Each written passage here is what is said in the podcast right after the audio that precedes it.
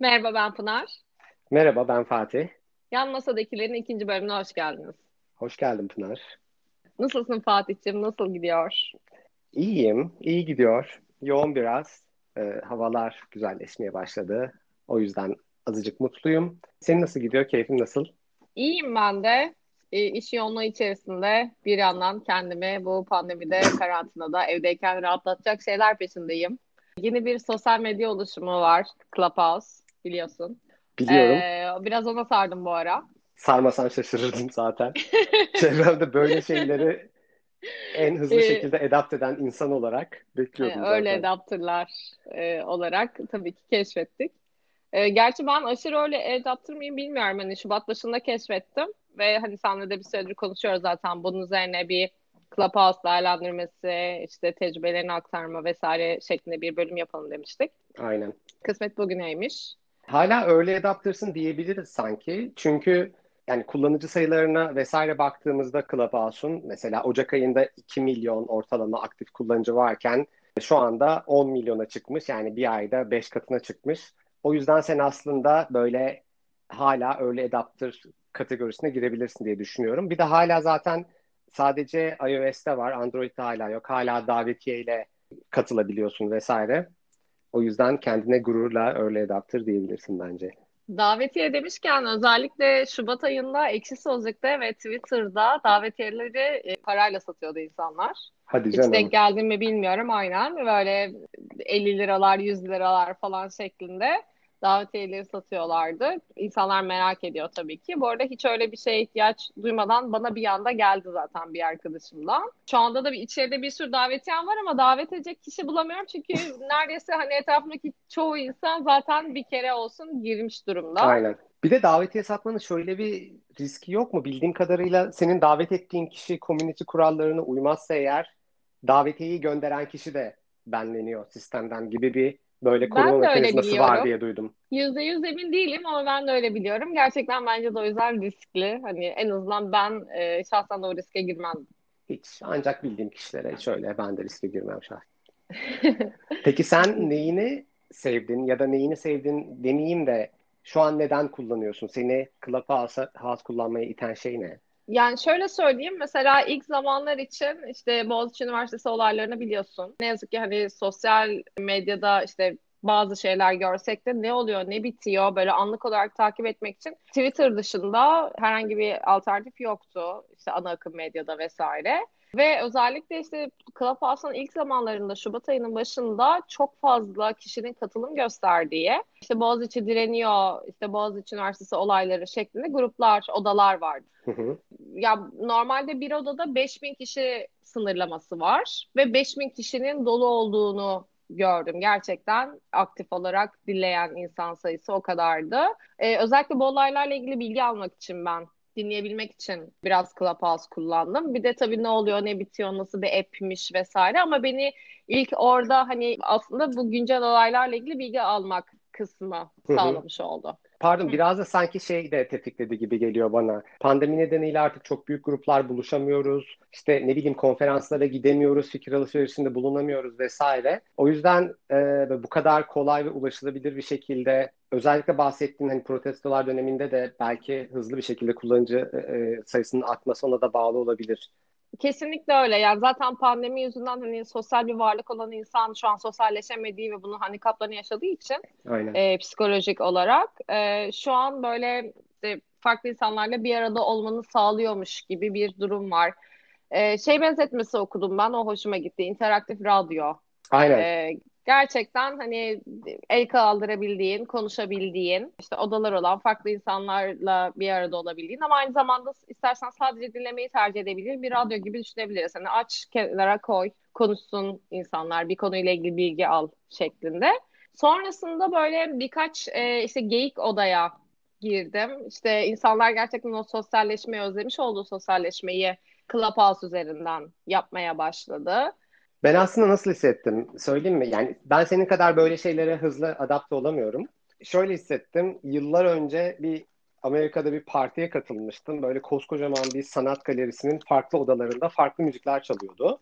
Ve e, hakikaten yani her bir odaya girdiğinde çok farklı bir atmosferle karşılaşıyordum. Birinde işte club çalıyor, birinde daha disco, birinde daha jazz. Burada da öyle hissettim. Sanki böyle farklı farklı odalarda dönen tartışmalar var. Girip hı hı. kafayı uzatıyorsun. Böyle bir muhabbet hoşuna giderse biraz daha takılıyorsun. Belki bir el kaldırıp iki bir şey söylüyorsun. Muhabbet sarmazsa çıkıyorsun başka bir kapıyı açıp başka bir kapıyı deniyorsun. Öyle gibi geldi. Evet. Ben evet. yani bu kadar hızlı dediğim gibi adapte olamıyorum belki. Zamanında bu yorumu sana Snapchat için de yapmıştım. Burada mesela bana da şey garip geldi. Ben bir yerde konuşma yapsam ve güzel olduğuna inandığım bir konuşma yapsam onu kaydedip şahsen sonradan dinleyip dinletip başkalarına gurur duymak isterim. Şekil bir şu anda yaptığımız gibi. O yüzden böyle geçici konuşup kaybolan bir şeyi adapte olmak bana zor geliyor açıkçası. Yani Snapchat'e de şahsen bu yüzden adapte olamamıştım. Çünkü orada da kaybolan bir şeyden bahsediyordum. Bu da biraz bana onu andırdı. Ama e, anlık değişik... olarak insanları bir araya getirme ya da aynı ilgi alanına sahip ya da aynı dertten muzdarip insanları bir araya getirme gibi bir fonksiyonu var sanırım. Hı hı. Zaten bu arada çıkış noktası da şu, e, iki tane Stanford'lı kişi tarafından kuruluyor. Bir tanesinin kızı doğuyor ve genetik bir hastalığı var ve çok böyle nadir bulunan bir hastalık. Ee, onunla ilgili bilgi alacak işte aynı dertten muzdarip e, kişilerle bir araya gelmek istiyor ama çok fazla platform bulamıyor bununla ilgili. Sonrasında bu fikir aklına geliyor. Daha doğrusu böyle bir app olsa, işte insanları bir araya getirse, aynı ilgi alanına, aynı merak ettiği şeye sahip insanları. Bu fikri başka bir Stanford'da arkadaşına götürüyor ve onun üzerine bu uygulamayı kuruyorlar. Sesli forum gibi bir şey aslında yani. Evet öyle de diyebiliriz. Doğru. Doğru. Ee, sadece işte dediğin gibi hani gerçekten söz uçuyor ve hani yazı kalır, söz uçar yazı kalır derler ya. Bir nevi öyle söz uçuyor. Sadece 3 gün serverlarında tutuyorlarmış konuşmaları. O da güvenlik vesaire sebebiyle. Onun dışında herhangi bir şekilde konuşmalar zaten kaydedilmiyor. Ee, ulaşamıyorsunuz yani sonrasında. Ee, özellikle bu girişimci tayfası çok fazla early adapter olarak söylenebilir Türkiye'de. Bilmiyorum yurt dışında da o şekilde mi? Çok fazla girişimci ekosisteminden kişi işte odalar başlatıyor, startup fikirleri dinleniyor, işte yatırımlarla ilgili çeşitli bilir kişiler yorum yapıyor. Default her pazar günü açılan e, gruplar var bu şekilde. E, bunlardan birine denk geldi mi bilmiyorum ama hani bir kısmı böyle çok e, kafa açan odalar olmasına rağmen açıkçası dinlerken bir kısmı için böyle şu hissiyatı ediniyorum. Bunlar resmen fikir mi çalmaya çalışıyor acaba? Çünkü yani gerçekten çok iyi iş fikirleri vesaire çıkıyor veya şunu da görüyorsun işte bir iş fikri var gidiyor orada anlatıyor aslında iş, iş fikri çok bullshit ama ona sarılmış durumda ve onunla ilgili gelen hiçbir negatif yorumu kabul etmeyen e, çeşitli arkadaşlar da var. Yani dolayısıyla hani e, özellikle bu iş e, yapmak üzere yola çıkan insanların belki çok faydalanacağı ama bir yandan da çeşitli tuzaklara düşebileceği bir platform e, olarak nitelendirebilirim ben. Onun dışında e, özellikle gördüğüm şöyle bir durum var. Özellikle işte bu pandemi sebebiyle yeme içme sektörünün çok muzdarip olduğu taraflar var bildiğin üzere belli bir konunun etrafında aynı derde sahip insanları bir araya getiriyor diye konuşmuştuk seninle. Gerçekten yeme içme sektörünün yaşadığı sorunlarla ilgili bir farkındalık yaratmak ve bununla ilgili bir e, kamuoyu oluşturmak amacıyla kullanıldığını gördüm ve çok takdir ettim. Bir odada 700-800 kişi e, işte mesela bir oda vardı adı e, şuydu çok ilgimi çekmişti. Garsonlar taş mı yesin? Gerçekten Doğru. böyle bir hani slogan şeklinde odanın ismiyle zaten seni içine alıyor ve sonra o sektördeki insanların dertlerini dinliyorsun çözüm önerilerini dinliyorsun e, ve kamuoyu oluştukları görüyorsun daha doğrusu. Bu anlamlarda bence bayağı işe yarayacak bir uygulama gibi. Aslında şey çok ilginç. Birkaç farklı alana hizmet ediyor. İşte forum görevi görüyor dedik. Fikir paylaşma dedin. Onun dışında kamuoyu oluşturma ya da aynı dertten muzdarip insanları bir araya getirme görevi dedin. Ama bir taraftan bana şu kısmı da açıkçası günümüz sosyal medyası ya da medyasının gittiği yerle karşılaştırınca biraz ters geldi. Önceden hani eski medya anlayışında işte akışı medya kurulu medya yayıncıları belirliyordu ve işte biz onları televizyonda hangi saatte önümüze ne konuluyorsa onu izlemek zorunda kalıyorduk. Ve sonra kanallar çoğaldı. Farklı kanallarda seçmeye başladık ama gene o saatte önümüze konan şeyi izlemek zorunda kalıyorduk. Sonra işte YouTube, Netflix, Prime Video vesaire girince video on demand sistemi aslında girdi ve biz dinle, izlemek istediğimiz şeyi kendimiz seçmeye başladık ve ne zaman izleyeceğimize karar vermeye başladık. Ama şimdi Clubhouse'la sanki tekrar bir akışa doğru itiliyoruz gibi hissettim. Mesela podcast dünyasında istediğin podcast'i istediğin zaman dinleyebilirsin. İstemediğinde dinlemezsin. Clubhouse'da da o anda muhabbeti o anda akan muhabbeti dinlemek zorundasın aslında. Evet dinlemek istemezsen çıkabilirsin. Okey. Kimse sana dayatmıyor. Ama gene kontrol edemediğin bir akışla karşı karşıya kalmış oluyorsun. Bu açıkçası beni dinlerken biraz rahatsız etti. Mesela bazı yerlerde ben birazcık zaman kaybediyormuşum gibi hissettim. Yani tamam şimdi de çok boş yaptı. Hadi artık yani next tuşunu aradı elim ya da işte ileri sarmayı aradı elim. O akışa tekrar itilmek bana bir garip geldi açıkçası. Ama bu sadece benim kişisel olarak yaşadığım bir problem de olabilir.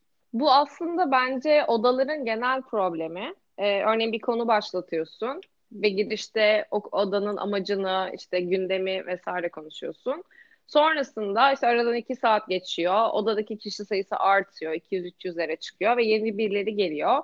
Onlardan el kaldıran oluyor. O konuşmaya başlıyor ve apayrı çok alakasız bir konuyla ilgili konuşmaya başlayabiliyor. Hı hı. Ee, sürekli insanları e, o senkronizasyonu sağlamak için biz burada aslında bunu konuşmak için buradayız diye biraz böyle bir içekleme durumu. Moderatörlerin oluyor. görevi de o biraz. Evet, moderatör olmak o yüzden bence kolay değil. Şu dediğine katılıyorum. Hani konuşmanın akışını ya da sana verilecek bilgiyi kontrol edemediğin için bazen gerçekten bazı kişilerin konuşması yüzünden işte odadan çıkmayı tercih edebiliyorsun. Hı hı. O da işte odadaki işte kişi sayısını ya da o odayı kuran işte moderatörün belki kurma amacını vesaire etkiliyor. Hep böyle bahsettiğin gibi işte girişimcilik üzerine ya da kamuoyu yaratmak üzerine konular mı konuşuluyor? Yani daha ciddi konular mı konuşuluyor? Yoksa böyle biraz daha geyik tarafları da var mı? Yani ben birkaç tane çok geyik muhabbetinin döndüğü odaya rastladım. Ama gerçekten çok geyik muhabbeti dönüyordu. Yani o yüzden birkaç dakikadan fazla dayanamadım. Genel olarak nasıl ortam? Sen daha çok sanırım dinliyorsun benden. Çok fazla geyik oda olmaya başladı. En başta böyle daha ciddi konular konuşulurken biraz şu an tabii ki hani diğer bütün sosyal medya platformlarına gördüğümüz gibi konu dağılmaya, daha geyikleşmeye, işte komik şeyler olmaya başladı. Bununla beraber özellikle böyle benim dikkatimi çeken şöyle bir durum var. Geyik amaçlarla açılan bazı odalarda insanlar çok kişisel bilgilerini konuşuyorlar. Bir örnek vereceğim. E, denk geldiğimde gerçekten aklımı uçurmamı sağlayan bir oda oldu. Üç tane moderatör oturmuş. Odanın adı şu. Profil resminizden aylık gelirinizi tahmin ediyoruz. Şaka yapıyorsun. Evet ve insanlar gerçekten bunun için el kaldırıyorlar, konuşmacı oluyorlar, sıraya giriyorlar. Sonra o üç kişi e, o kişinin profil resmine bakarak e, atıyorum Instagram'ına bakarak eklediyse eğer Clubhouse profiline aylık gelirini tahmin etmeye çalışıyor. Ve bunun karşında da o kişi işte evet doğru, işte şu işi yapıyorum, şunu yapıyorum, bunu yapıyorum diye bilgiler veriyor. Ve verdiği bilgiler gerçekten çok kişisel bilgiler. Yani ben çok merak ediyorum vergi dairesi acaba Clubhouse'u takip ediyor mu? Özellikle bu gibi yerlerde insanlar şov yapmayı da sevdiği için belki abartma payları da vardır ama muhtemelen geliri daha yüksek olan kişiler buna e, gönüllü oluyorlar değerlendirilmeye diyeyim.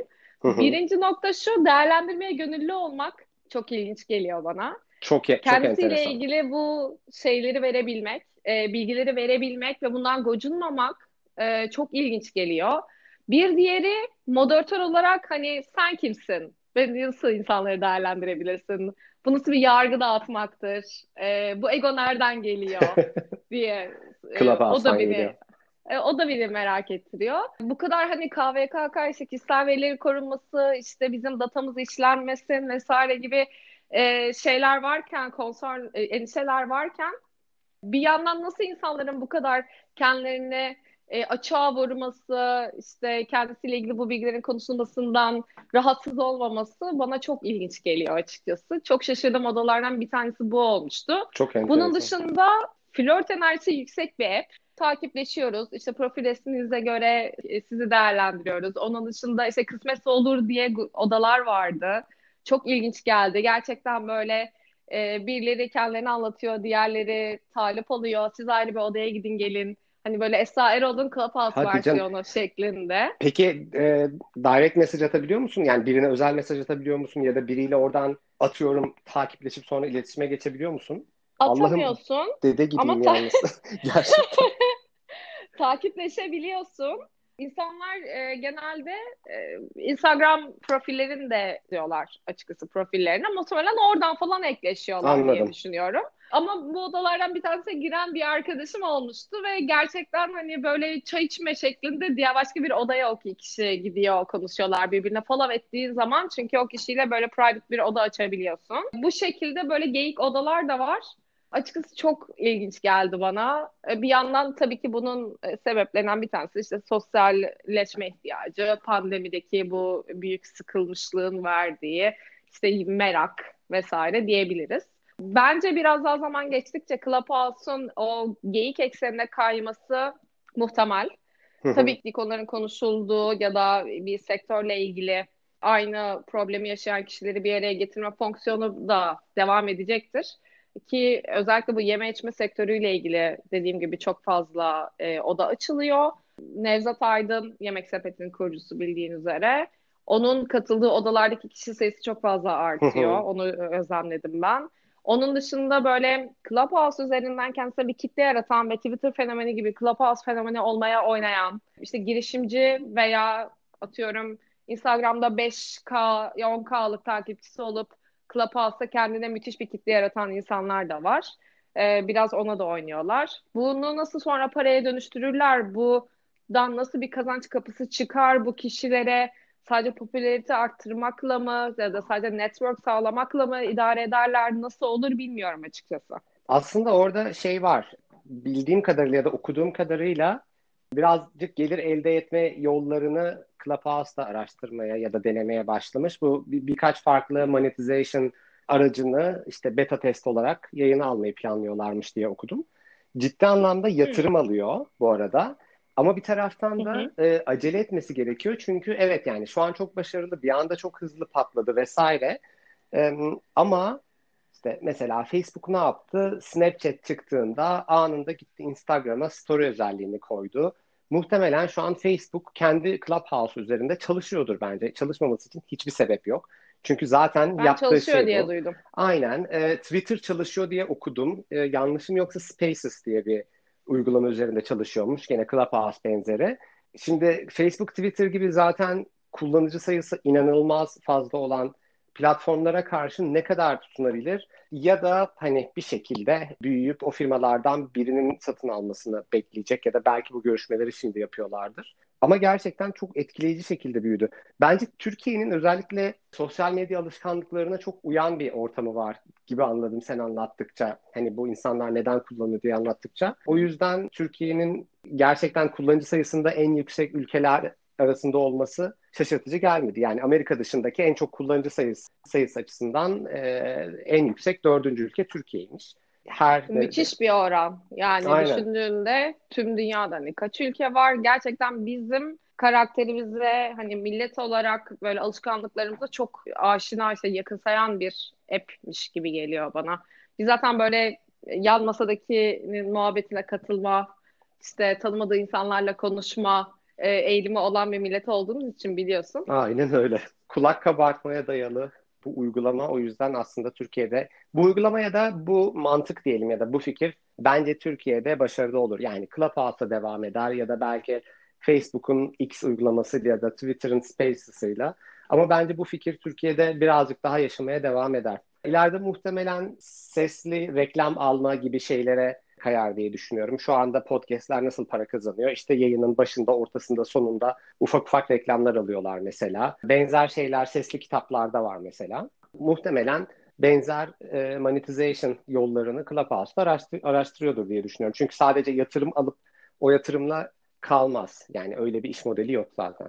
Evet muhtemelen. Yani belki hani sponsorlu odalar çoğalabilir. Sponsor olabilmek için, öyle bir oda açabilmek için e, ekstra işte para ödenmesi vesaire söz konusu olabilir. E, şu an işte bir odada dediğim gibi 5000 kişilik bir katılımcı sınırı var. Belki sponsorlu odalarda bu sınır kaldırılabilir. Ee, özellikle bu fenomenlerle markaların bir arada oda kurması gibi bir eğilim var şu anda. Ama finansal olarak faydalanan kişi şu an sadece fenomen oluyor. Herhangi bir Clubhouse'un monetization modeli olmadığı için. Ama e, belki hani öyle bir oda açabilmek için de bir ön şart ya da farklı bir model getirebilirler. O zaman yalnızca fenomenler değil, Clubhouse'un kendisi de belki bundan finansal olarak faydalanmaya başlayacaktır dediğim gibi. Muhtemelen. Hani şu an 1 milyar dolarlık bir unicorn ama dediğim gibi farklı e, modellerle kendisi de zaten direkt kullanıcılardan faydalanmak daha doğrusu onların ödediği usullerle e, böyle bir para kazanma yöntemine geçecektir diye düşünüyorum. Ama şey çok çekici geliyor aslında. Mesela hatırlıyorum üniversitedeyken işte başarılı sektörden vesaire birileri geldiğinde gidip işte konferansını dinlemeyi çok severdik. Ben severdim şahsen en azından. Şimdi de o kadar fazla dinleyemiyorum ama takdir ettiğim ya da fikirlerini merak ettiğim birinin konuştuğu bir odayı duysam muhtemelen acaba ne konuşuluyor, ne anlatıyor falan diye girmek isterim yani. Bayağı enteresan bir ortam ve bunu da çok kolay yani tabii ki işte her şeyde olduğu gibi şu anda cep telefonunun uzaklığında. O yüzden e, fikir enteresan.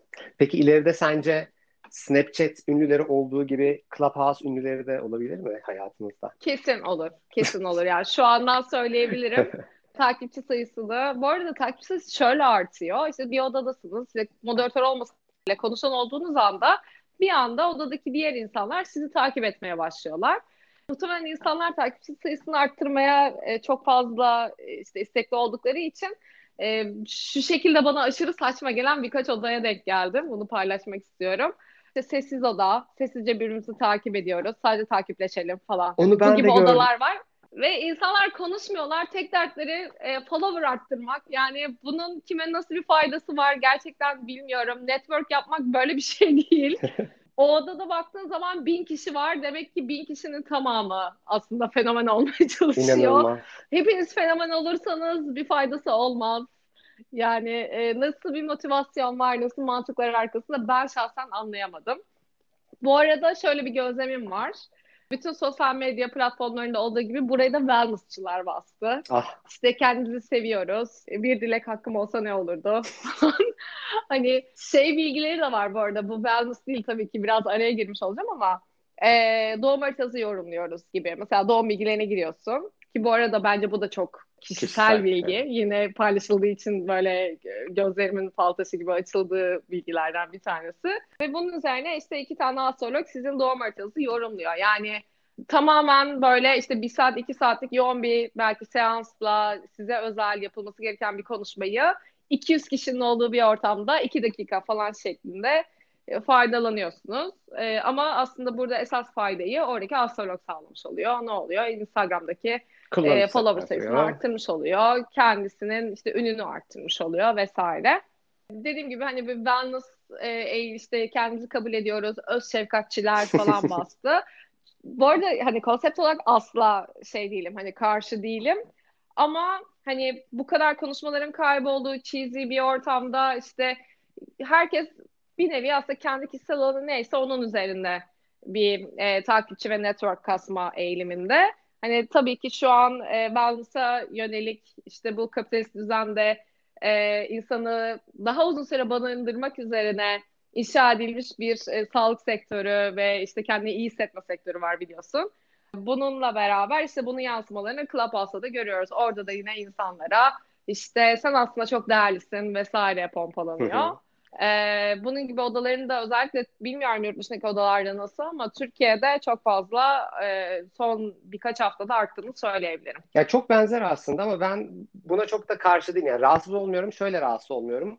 Bunu böyle yani şu anda karman çorman bir yer ama bütün platformlar ilk açıldığında karman çorman bir yerde. Sonra işte evrildi. Bence Clubhouse'un da evrilmesini göreceğiz. Yani Instagram ilk açıldığında sadece fotoğraf paylaşılan bir yerde. Birazcık daha böyle sanat sanat bir yerde. Şimdi daha aslında iletişime geçtiğin, kendi hayatını paylaştığın, kendinden bir şeyler paylaştığın yere evrildi. Bunu bir adım öteye götürebilir miyim? Şu an aslında fenomenlerin tezgahtarcılık oynadığı bir platforma dönüşte Instagram. Aynen öyle. Gerçekten öyle. Ama bir taraftan hani kimi takip edeceğini de kendin seçiyorsun. Kimse senin gözünün önüne bir şey de sokmuyor. Yani istediğini bloklayabiliyorsun bilmem ne. O yüzden hani bir şekilde bence kendisi evrilip çevrilip kendi dengesine oturacaktır ve farklı dallarını oluşturacaktır diye düşünüyorum açıkçası. Bence şey kesinlikle etkili olacak. E, girişimcilikle ilgili konular bence çok fazla konuşulacak özellikle. Çünkü şu anda ortak çalışma alanları kalmadı insanların. E, bu işte evet. office workspace'lerde falan çok fazla fikir alışverişi oluyordu. Onlar kalmadığı için şu anda bence Clubhouse yani özellikle girişimci camiasına çok güzel hizmet ediyor. Ama bunun dışında işin geyik, magazin, fenomen, de wellness efendim bir sürü tarafı bence kendi kitlesini oluşturup yoluna devam edecek gibi geliyor. Ya bence sıkıntı yok ya. olsun özgür herkes konuşsun. isteyen istediğini dinler, istemediğini dinlemez gibi bakış açım var benim. Ama hala bundan sonra acaba hani gerçekten çok geri kafalı gibi bir cümle kuracağım ama bundan sonraki büyük şey ne diye düşünürken her gelen şey hakikaten ya hiç hiç aklıma gelmemişti falan oluyorum her seferinde. Şöyle bir soru da soruluyor. Ee, teyzeler Clubhouse'u bastığında ne yapacağız? Çok doğru bir soru. Facebook'tan nasıl çıktıysak. Şu an Facebook'u kullanıyor musun ya da ne için kullanıyorsun? İtiraf ediyorum sadece Facebook Marketplace'te ikinci el eşyalarımı satmak için kullanıyorum. Yani hes- bir alternatifi de ben hesabımı söyleyeyim. reaktive etmemin tek sebebi buydu gerçekten. Benim e, yani unuttuğum şifreyi e, forgot password deyip yenisini alma sebebim de şu. Doğum günlerini takip etmek. Hani zamanında biz hepimiz girmişiz oraya doğum günümüzü Aynen. ve ben şu an ya benim arkadaşım 24'ünde mi doğmuştu 25'inde mi diye arada kaldığımda Facebook'a bakıyorum açıkçası. Ben e, çok daha güzel bir metot söyleyeceğim. Hiç Facebook'a muhtaç etmeyecek seni. Abi Instagram'da insanlar kendilerinin doğum gününü kutlayanları anında storylerine koyuyorlar. Bu nasıl bir yakın bunu anlayamadım gerçekten. Ama ben sadece doğum günü takip etmek için o şeyi kullanıyorum yani. Hani benim doğum günümü kutlayanları story'me koymuyorum. Ama koyanların ha bugün onun da doğum günüymüş falan diye hemen mesaj atıyorum. Bence çok işe yarıyor. Clubhouse'da gün gelir insanlar kendi doğum günlerini kutlamak için oda açar mı acaba? Açsak mı acaba mesela bugün doğanlar falan diye? Geyik olabilir ha. Ya da Pınar bugün doğdu diye 3 Haziran'da oda açmazsan küserim. Bu arada hani bazı odalarda gözlemlediğim şöyle bir şey de var. E, moderatörler işte belli bir sayıda oluyor. İşte kişiler el kaldırıyor, katılıyorlar konuşmaya vesaire ama özellikle sonradan gelen işte diğer tanımadıkları katılımcılar özellikle almak istemiyorlar. Yani insanlar iyice böyle bir e, hani açık panel değil de Exclusive kendi gibi. semin evet bir öyle ya da ne bileyim seminer gibi bir hale de büründürmüş ya da işte ben bu konuyla ilgili çok şey biliyorum siz beni dinleyeceksiniz tribinde. Hani Vedat Milor değilsem ki kendisi müthiş tatlı ve mütevazı bir insan bunu yapmamalısın bence ama gerçekten böyle fenomen olmaya kasan e, bir konuyla ilgili bazı kişilerin işte oda açıp e, özellikle bu tribe girdiklerini söyleyebilirim sana. Çok enteresan. E, özellikle bu şey fikir dinliyorum deyip işte girişimci camiasını kendince değerlendirmeye çalışan ama halbuki kendisinden çok daha iyi değerlendirecek bir sürü insan var. Ee, gerçi bunun da şöyle bir yanı var yani o zaman onlar da gelsin yapsın hani tutan Aynen yok. öyle. Aynen öyle. Ama artık hayatımıza ee, tam anlamıyla fenomen diye bir meslek girdi değil mi? Yani bunu artık öyle bir meslek olduğunu kabul edebiliriz bence. Kesinlikle. Ne yapıyor ilk fenomenlerimiz? Aa şey Kerimcan gördün mü klibini? Tabii Hiçbir ki gördüm. zaman içselleştiremediğim uygulama olan Snapchat'in fenomeni ki sen kullanıyordun abi gerçekten inanılmaz. Ben onu bir türlü anlayamadım. Ee, Neden 24 Snap... saat sonra kaybolacak bir şey paylaşayım ki falan diyordum sana. Onun verdiği ayrı bir heyecan var sanırım ama bu arada ben de uzun zamandır kullanmıyorum. Kerimcan aslında ilk olarak Periskop'tan ünlü olmuş bir çocuk bu arada. Öyle mi? O kadar uzun. Evet. İşte Azerbaycan'a gittiğinde orada işte canı çok sıkılıyormuş. Bir iş için Hı-hı. gitmiş. Ee, işte kendi kendine yayınlar açmaya başlamış. İşte oradan farklı platformlara, Snapchat'e, Instagram'a, işte sonra Instagram'a hikaye özelliği geliyor vesaire derken bir anda bütün sosyal medya platformlarında fenomen haline geliyor. En son baktığımda 3.1 milyon takipçisi vardı yalnızca Instagram'da. İnanılmaz.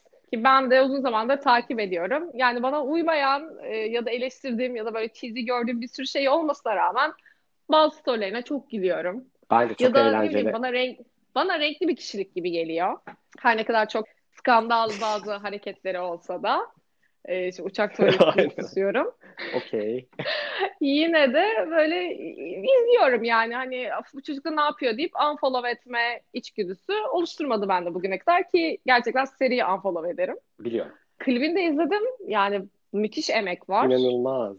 Saydım 5 ya da 6 tane ayrı sahne var. Ayrı kıyafetler, ayrı konsept, ayrı dans figürü vesaire. Çok emek varmış. Bu arada yani şu çok enteresan. Mesela Kerimcan şarkıcı değildi normalde. DJ'lik falan bir şeyler yapıyordu işte e, tatil yörelerinde. Bence şunu ispat ediyor. İyi bir ekiple gerçekten hani iyi şarkı demeyeceğim ama dinlenir şarkı yapabilirsin. Artı iyi bir ekiple gerçekten izlenir bir klip de çekebilirsin. Ben de yani Çok enteresan doğru. bir şekilde beğendim. Kerimcan'ı al yerine Cardi B'yi koy mesela. Hiç sırtmaz yani gayet güzel, herkesin takdir edeceği bir klip olur yani açıkçası Kerimcan'ı çıkarıp başka çok ünlü birini koysan da sırıtmaz yani oraya. Bu kullandığın ifade çok hoşuma gitti. Dinlenebilir şarkı olmasa da izlenebilir klip yapmak. Bu arada kendisi de bence bunun çok farkında ki e, birkaç haftadır sürekli klibim çıkıyor, klibim çıkıyor, klibim çıkıyor şeklinde kendi reklamını yapıyordu ama asla şey demiyor, şarkım çıkıyor falan demiyor yani. Hani klibim çıkıyor çok farkında çünkü kendisi bir hani show business parçası. Aynen.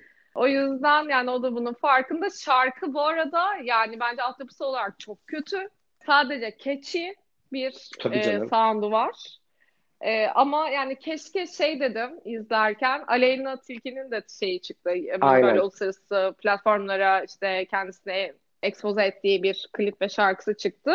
Ya Aleyna'nın şarkısı mesela asla aklımda kalmadı ama Kerimcan'ınki kaldı Aynen yani öyle. çok keçi bence.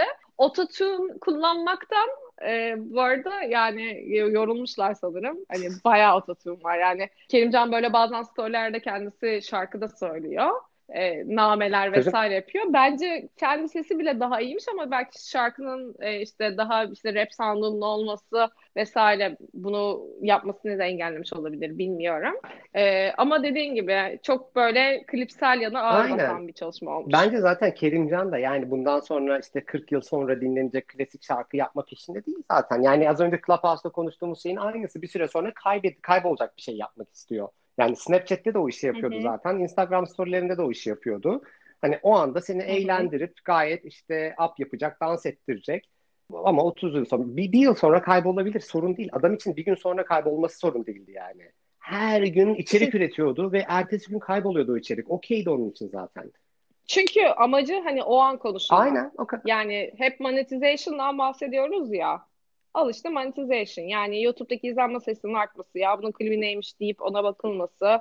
Ee, belki işte izlenme sayısının fazla olmasıyla daha iyi yapımcılar bulabilmesi Aynen. kendisine onu sağlayacak.